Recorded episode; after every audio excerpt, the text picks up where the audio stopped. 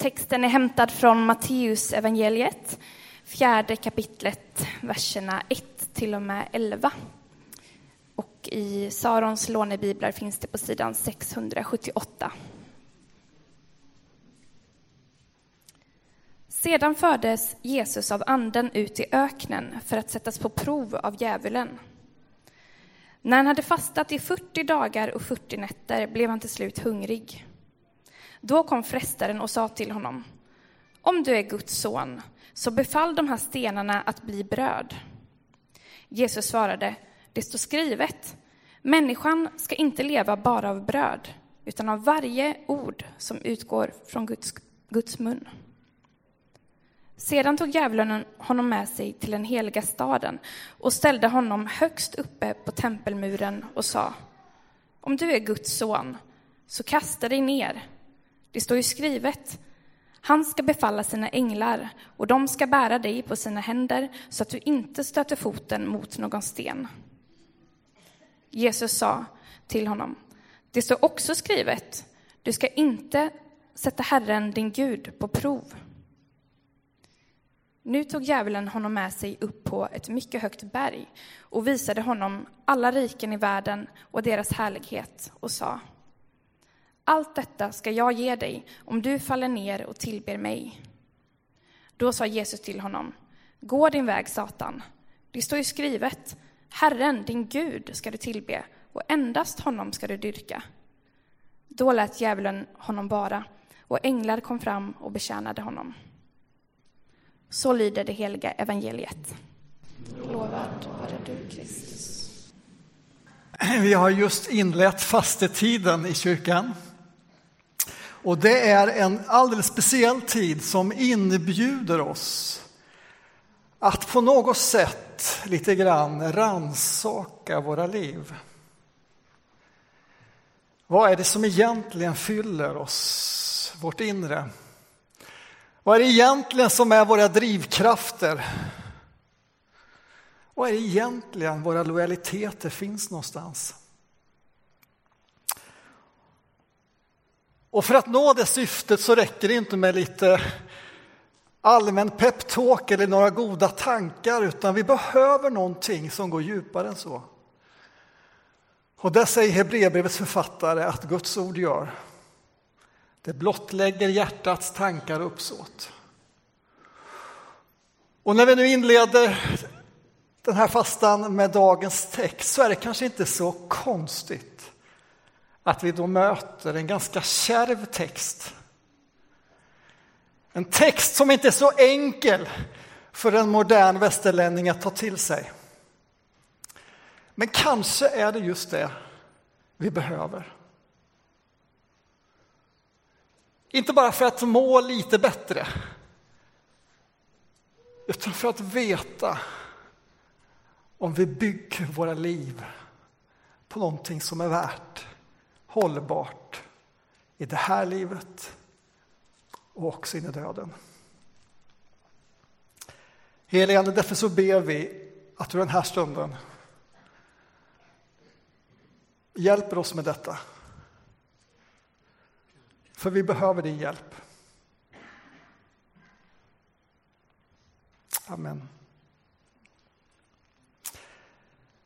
Det är omöjligt att förstå det här utan att egentligen har läst vad har hänt precis innan. Jo, då har Jesus ju varit i Jordan och därför varit med om någonting av det mest fantastiska som vi människor får vara med om.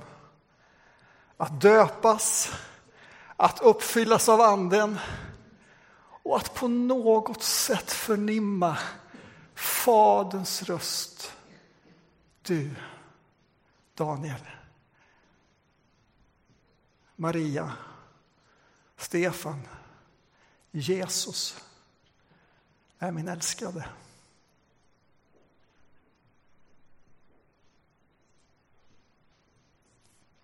Och det är när han har varit med om det som det kunde ha varit lämpligt eller kanske passande att gått ut och börjat betjäna människor.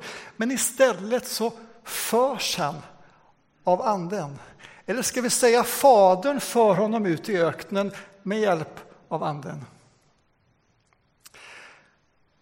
Och det må vara hänt att den behöver en tid av stillhet först. Men syftet är ju omtumlande. För att där frestas av djävulen. Och nu kommer jag att tala om djävulen på ett ganska självklart sätt eftersom bibeltexten gör det. Och jag respekterar om det finns de av oss som kan tycka att, nej men vänta lite grann nu här, det här kanske både väcker obehag eller upplevs naivt. Och vi har inte riktigt tid att fördjupa oss i det, utan här är djävulen en närvarande, tydlig person och kraft. Vilket jag tror han också är idag. Och det ännu märkliga är att man kan ana att Fadern och djävulen på något sätt verkar vid första anblicken lite samma sak. Det sammanfattas i ett grekiskt ord, peirazzo, som betyder pröva eller fresta. Och de där har lite olika ingång. Fresta, det använder vi just utifrån en negativ ingång. När man vill få någon att avvika, när man vill få någon att falla. Eller synda. Och så har vi det andra begreppet pröva, som har en positiv ingång. Vad är egentligen innehållet i detta?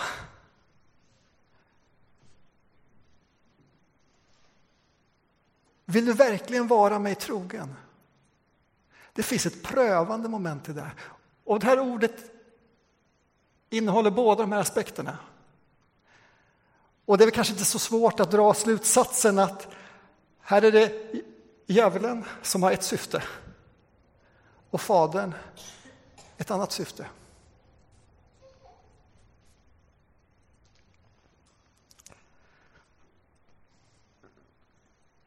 Och vi kan leva oss in i situationen.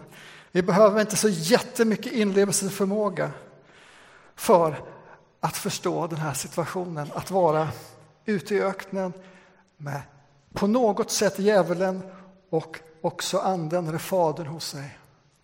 Och man kan fråga sig, det är en sak, där fick vi en liten bild till hjälp för att leva sig in i det. Tack. Det är en sak att denna djävulen vill fresta, men detta med att skulle Gud vilja pröva?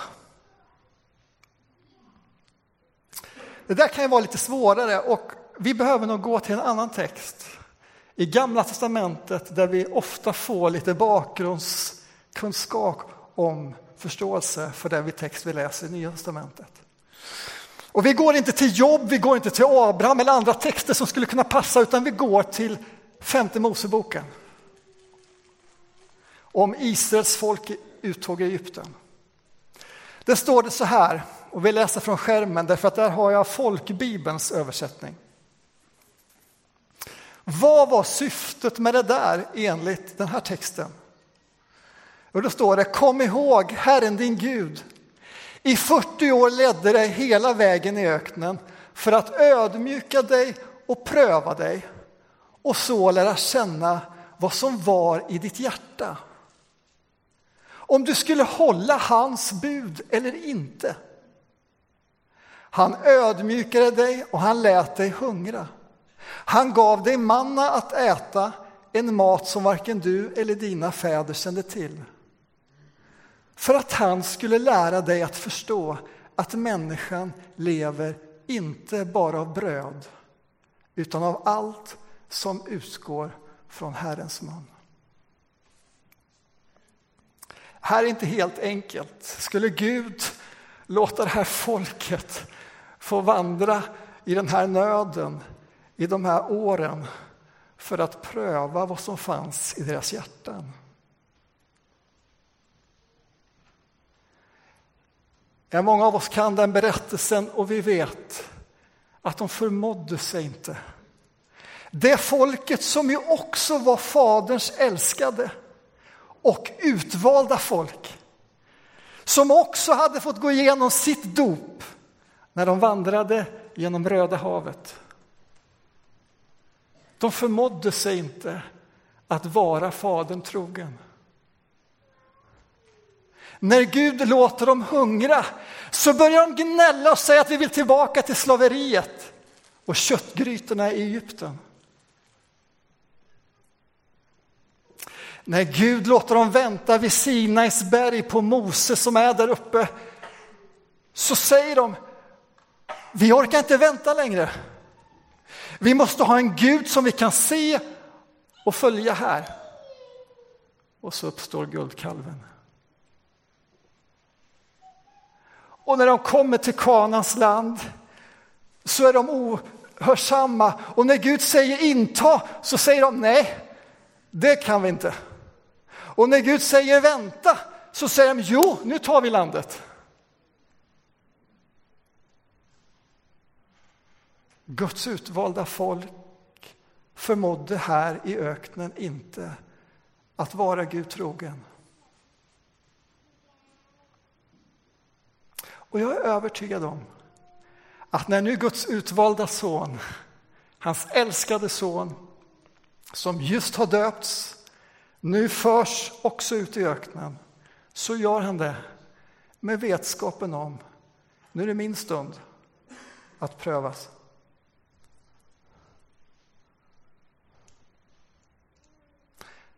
Nu har vi läst berättelsen och vi vet att till skillnad mot Israel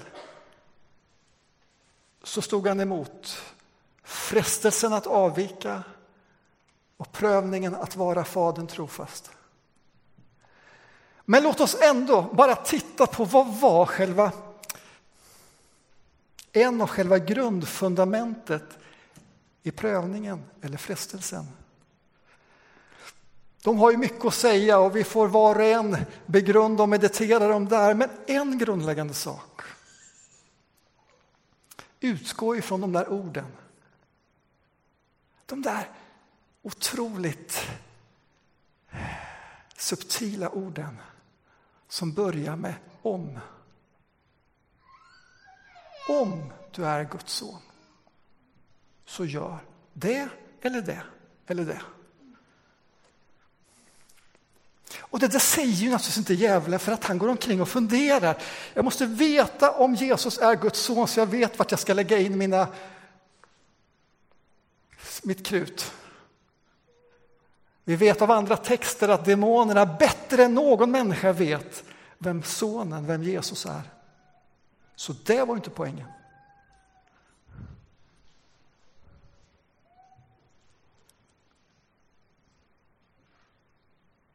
Jesus hade under hela sitt liv, är jag övertygad om, var totalt trygg med att han var sonen.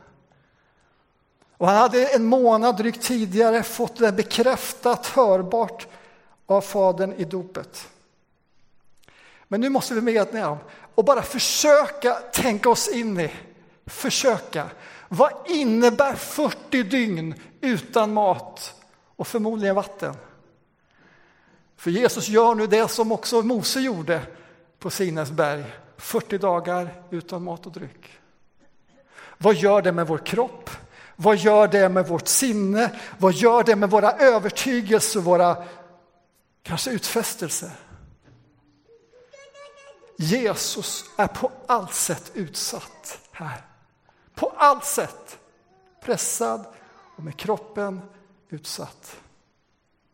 Och så kommer och jag tror att det kommer i en tanke. Jag tror inte att det är någon orm som i det här fallet börjar tala. Utan att jag tror att det är genom tankar detta kommer. Det är inte sagt att jag tror, eller säger eller tänker att åh, nu är det djävulen där som talar. Men det finns makter som vill så in också i våra liv och använder vårt inre, vår tanke till det. om jag är Guds son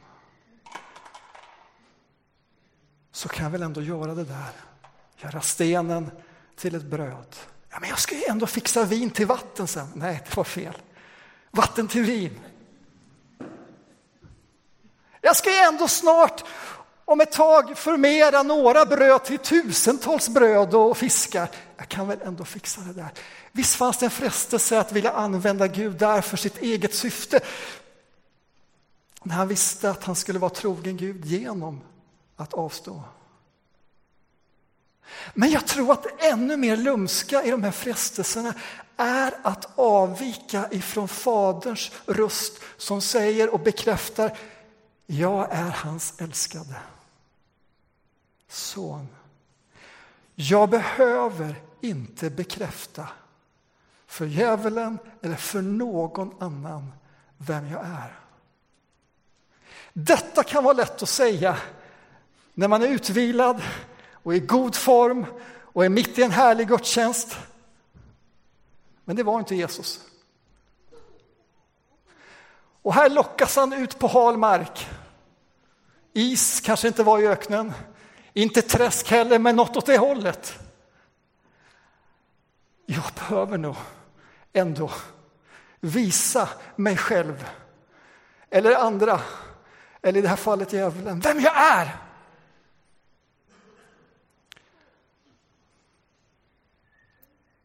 Och jag tror vi kan känna igen oss. Igen och igen.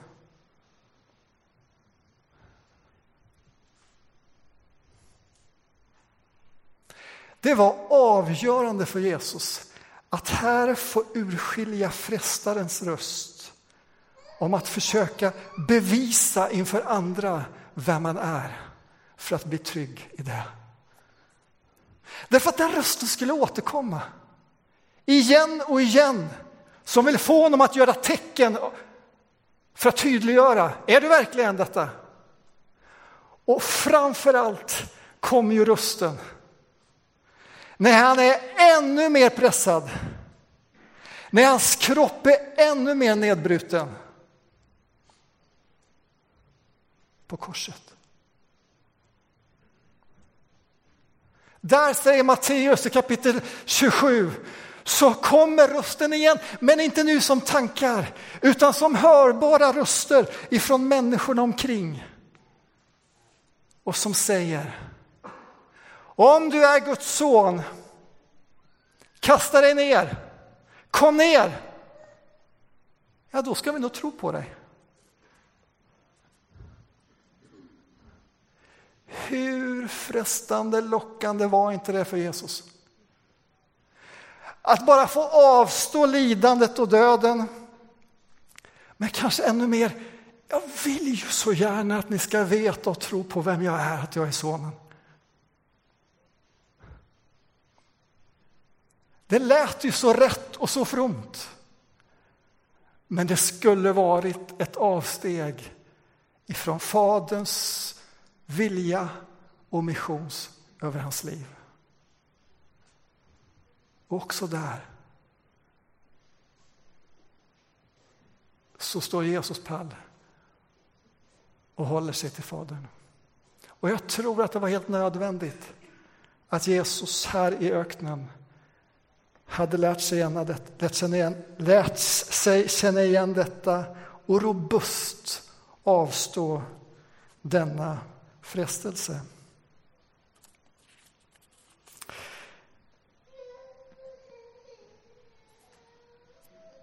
Det finns mycket att säga om de där frestelserna.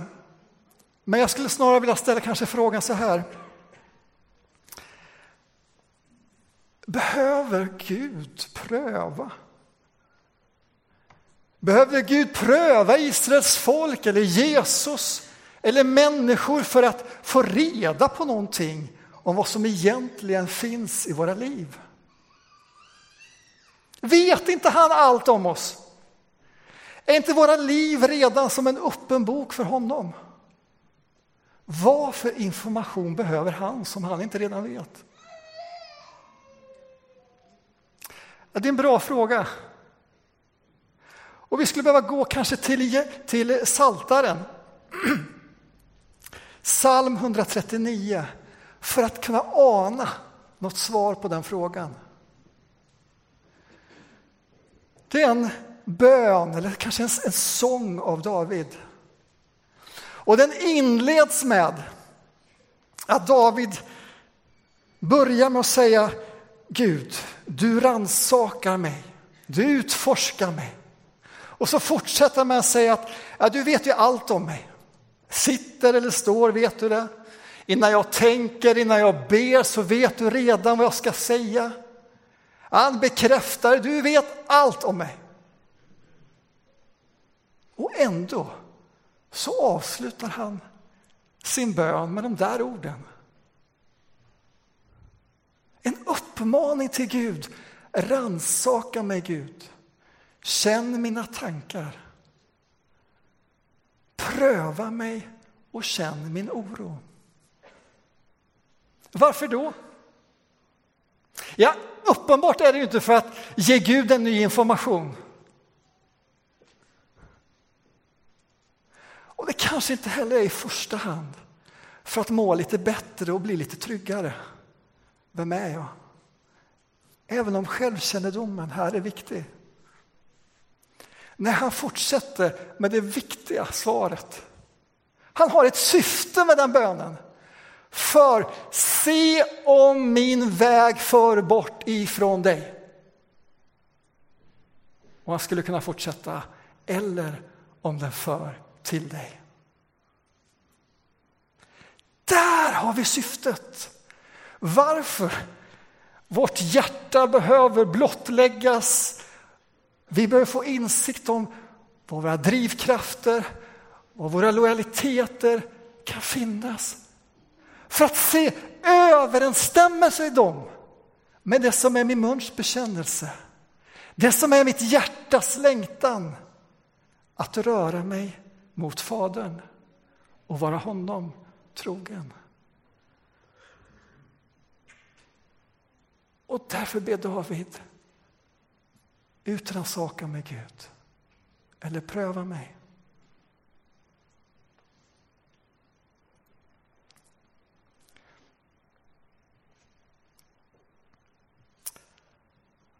Om vi tar det här in, rakt in till oss. I det som är våra liv, i det som är våra erfarenheter. Vi kanske inte befinner oss direkt i någon fysisk öken. Även om jag var där för ett par veckor sedan på Gran Canaria hittade jag en liten, när jag var där på semester, en liten öken, en turistöken.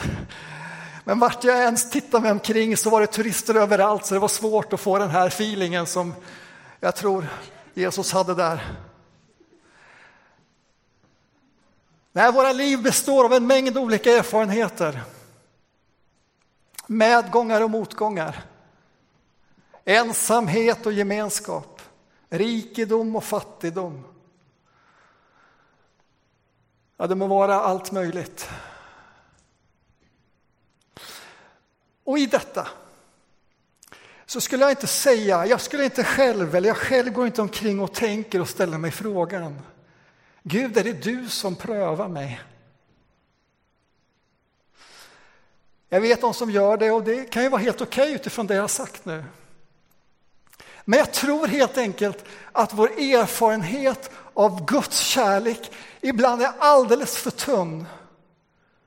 Och istället fastnar vi i frestarens garn som gör den, det påståendet eller den frågan till en Gud som är ändå ute för att sätta dit mig. Han prövar mig för att sätta dit mig. Och så har vi blandat ihop vem Gud och djävulen är. Vilket är precis vad djävulen vill. Så jag, jag, brukar snarare ställa mig frågan i det liv som är mitt, oavsett vad det består av. Vad i det jag går igenom just nu kan lära mig om mina drivkrafter, om mina lojaliteter, om vad jag verkligen är på väg någonstans. För det här mig till Gud? Eller för det mig från honom?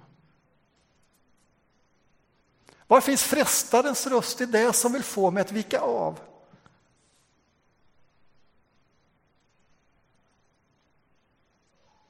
Ska vi ta några konkreta exempel? är alltid brännande när man blir konkret.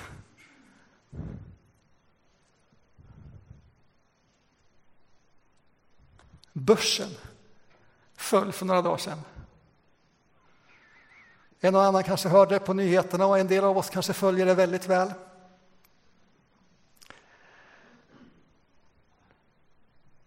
Så uppstår massor med spekulationer och det är prat på nyheterna och alltihopa. Men det kan också vara att behöva lyssna. Vad händer här? Vad händer här i mig när börsen faller? Säger det någonting mig? Finns det någon varningsklocka som vill säga, vad, vänta lite grann nu, har jag lagt min lojalitet och min trygghet för stor tyngdpunkt där?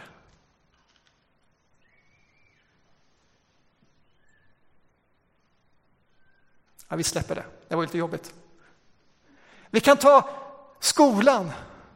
Jag misslyckas på en tentamen. Och rösten uppfyller mig av att säga Åh, jag fick inte visa läraren, jag fick inte visa kamraterna, jag fick inte visa mig själv vad jag egentligen kan. Och så finns det någonting som säger mig Åh, jag måste ta igen ännu mer.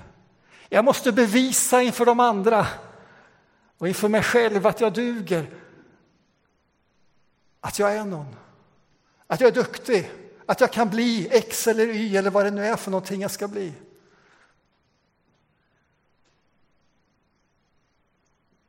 Återigen handlar det om vad är grunden för mitt liv? Vad är det egentligen som jag står på? Det som sonen här behövde prövas i och hade hört du är min son, min älskade son. Om jag lämnar den plattformen, om jag lämnar den så ger jag mig ut på sank mark. Vi skulle kunna ge fler exempel. Vad händer i oss som församling när den föreståndare som är så rikt begåvad har lett den här församlingen i 20 år? Vad händer då? Vad väcks för tankar och för känslor hos oss i det? Vad vill Gud i det säga? Vad vill han leda oss till honom också i en sån period? Vad vill, vad vill han att vi ska tydliggöra för oss? Du är klippan för vår kyrka. Nej, för din kyrka. Led oss du. Ja, vi kan göra exempel på exempel som på olika sätt knyter an till vardagens verkligheter. Och min poäng är här att kanske, inte minst under fastetiden,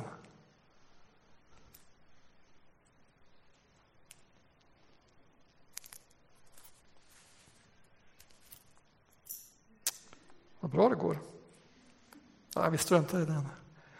Kanske inte minst under fastetiden, när, när vi på något sätt inbjuds att rannsaka, att dra ur den där. För att istället lyssna. Både till det här som vi lyssnar till och här. Och nu menar jag inte att lyssna till ett hjärta i någon slags melodifestival i refräng. Jag hoppas ni anar någonting annat.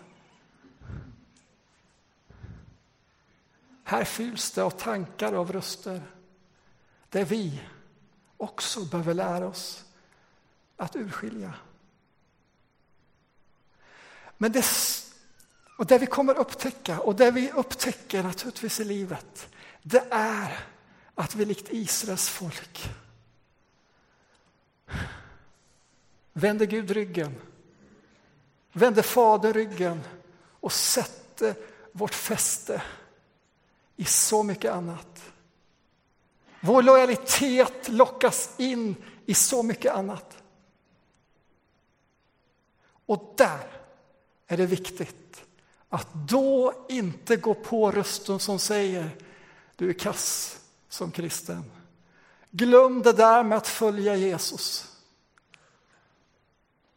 Därför att evangeliet handlar om inte att vi förmår vara Fadern trogen, vare sig i öknen, i vardagen, i lidandet eller vad det nu är.